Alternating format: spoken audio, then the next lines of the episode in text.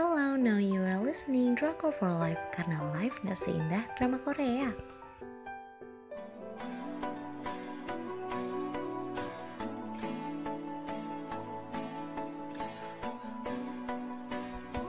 Aku bakal bacain review drama Korea ekstrakurikuler Sebuah bisnis lendir Lendir apakah itu? Ataukah lendir siput atau lendir yang lain?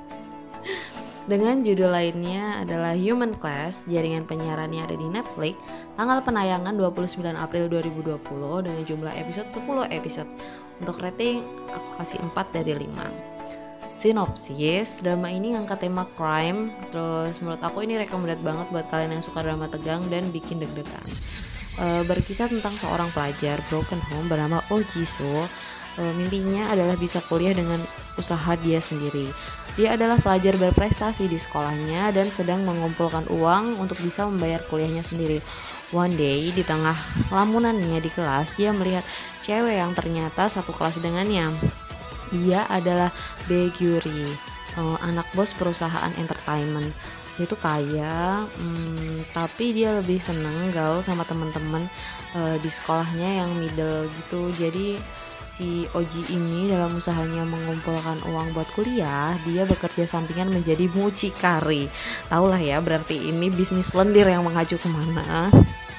Tapi dia nggak pernah nongol di hadapan klien-kliennya, cuman sebatas lewat aplikasi dan bekerja sama dengan salah satu bodyguard bernama Pak Lee. Suatu ketika, Oji dan Gyuri bertemu, tepatnya untuk sebuah kegiatan ekstrakurikuler. Kemudian ada momen di mana Oji ketahuan oleh Gyuri uh, tentang apa pekerjaan sampingan Oji. Terus, bagaimanakah reaksi Gyuri? Itu drama keren tipe drama yang bisa banget ditonton ulang saking asiknya alur cerita. Bagaimana alur ceritanya? Jadi alur dari cerita ekstrakurikuler ini sangat padat dan berurutan. Rangkaian demi rangkaian masalah yang bisa bikin penonton harus menahan nafas karena serius dan tegangnya ini. Plotnya nanjak terus sampai klimaksnya dapat banget di akhir. Kemudian jalan ceritanya yang sensitif itu akhirnya drama ini nggak bisa tayang di TV jadi cuma di jaringan ini ya uh, di Netflix. Hmm, karena mungkin akan menuai banyak kritikan. Serial ini mengangkat problem dan konsekuensi di balik pengambilan keputusan. Para pelajar SMA menghadapi konsekuensi yang nggak bisa diubah karena keliru karena keliru ketika memutuskan pilihan uh, denger-denger nih ya, jadi serial ini berasal dari one of the real event di sana. Aktivitas si Oji yang jadi perantara sek komersial dan kliennya, kemudian kegilaan Gyuri yang gak terbendung supaya Oji maafin kesalahannya, sampai another image anak SMA Korea Selatan yang aku kira bakal lebih kalem karena sering banget kan kita nonton mereka lagi belajar. Ternyata sama aja bengalnya, bahkan lebih parah. Mereka berani buat uh, ngajak uh, ngajak ribut preman atau gangster setempat. Uh, tapi aku nggak tahu sih kalau aslinya gitu atau enggak cuman emang drama ini diangkat dari kisah nyata. Kemudian ini tuh tema dengan drama sekolah yang nggak biasa. Emang udah banyak kan kita seri uh, kita nonton serial Korea yang bahas mental health gitu kan. Meskipun itu di sekolah begitu juga tentang serial ini hmm, mulai dari verbal bullying cuma karena ada anak pintar tapi antisosial sampai yang di luar pikiran kita.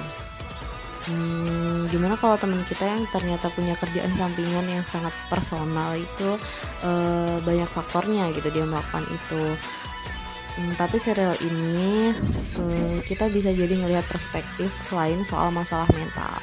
Di setiap closing serial ini muncul peringatan yang kurang lebih mengingatkan kalau punya masalah jangan dipendam. Uh, suruh segera lapor ke pihak berwenang yang siap membantu membantu atau menyelesaikan. Jadi bener-bener ini tuh tema sekolah yang nggak biasa. Misalkan cinta-cintaan itu itu ya gitu lah terus ini tuh lebih fokus sama kriminal terus uh, lebih ke mental health gitu Terus lewat drama ini juga penonton diperlihatkan bagaimana menjadi pelajar SMA itu dipaksa untuk menjadi orang dewasa. Mereka harus berjuang sendiri menyelesaikan permasalahan yang dihadapi sebisa mungkin tanpa melibatkan orang dewasa. Meskipun bagus, menurut aku serial ini nggak bisa kalau dibilang perfect. Nasib karakter seperti ayah Oji dan Sungmi yang nggak jelas, akhirnya uh, pokoknya belum jelas gitu endingnya mereka akan kayak gimana gitu. Cuman fokus di tokoh utama. Terus selain itu backgroundnya Oji ini kurang tereksplor secara lebih dalam. Preman di Banana itu emang sadis dan jahatnya nanggung. Bahkan ada beberapa scene di mana Jumi itu tuh kayak nggak guna love story-nya khas sama, khas sama drama Korea banget sih. Terus love hate relationship-nya juga. Selanjutnya aku bakal bahas penokohan. Yang pertama adalah Oh Jisoo dia adalah anak yang terli terlihat teladan. Ternyata nggak semua murid teladan itu anak baik-baik ya.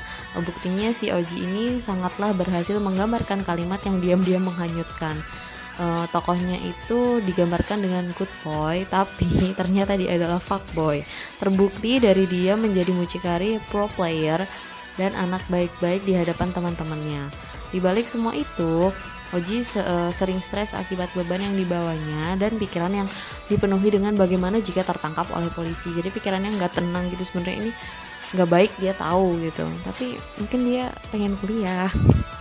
Selanjutnya ada Beguri yang tiba-tiba harus satu kelompok sosial dengan Oji. Hmm, ini keadaan ini semakin memperumit.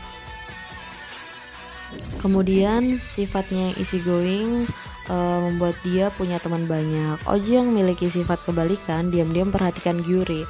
Menurut aku nih ya, tokoh Gyuri di serial ini kuat banget soalnya seakan dia yang jadi penggiring konflik dan kunci di serial ini sikap Yuri yang berani mengambil suatu keputusan buat kita lebih deg-degan nontonnya. Ini keren banget sih tokoh tokoh si Yuri ini. Terus ada Lee Wang Chul. Dia adalah mantan anggota tentara yang berperan sebagai bawahan Oji langsung. Si Oji ini dibantu oleh hmm, Pak Lee ini. Dia ada tugasnya itu adalah uh, mewakili Oji untuk mengurus semua keperluan dan keamanan para pekerjanya di lapangan. Dengan teknologi smartphone, aplikasi, dan pengubah suara, Oji akan memberi perintah dan instruksi kepada Pak Li ini tadi soal apa yang harus dia lakukan, termasuk menjamin jasa keamanan bagi para pekerja seksnya. Selanjutnya Meskipun drama ini berfokus pada bisnis lendir, tapi uh, serial ini jauh dengan jauh dari adegan-adegan vulgar, sedangkan kesan thriller dan crime dramanya lebih kerasa. Kemudian diselingi oleh dark jokes sebagai penyegaran, walau nggak terlalu kelihatan. Dramanya lebih dominan dibandingkan kisah romantis kedua pemeran utama yang diceritakan. Kedua bintang di serial ini memiliki chemistry yang bagus dan sukses membuat penonton nggak terima karena minimnya adegan romantis. Semacam gak jadian karena terhalang genre gitu. Uh, ekstrakurikuler ditutup dengan ending yang menggantung. Ini menimbulkan spekulasi kalau bakal ada musim keduanya. Membahas kemungkinan season kedua ekstrakurikuler, sang sutradara Kim Jin Min merasa belum ada kepastian Sejak proyek itu dikerjakan, sebenarnya ia sudah memikirkan season, season kedua. Tapi ekstrakurikuler bukanlah drama yang bersambung sehingga dia nggak tahu apa yang terjadi dengan season selanjutnya gitu. Kayak pengennya ada season 2 tapi ceritanya nanti tentang apa ya? Jadi itu tadi adalah review drama tentang uh, ekstrakurikuler. Uh, terima kasih sudah mendengarkan. Buat yang mau dapat daily update bisa di follow di Instagram kita at for life underscore live nya pakai y terima kasih sudah mendengarkan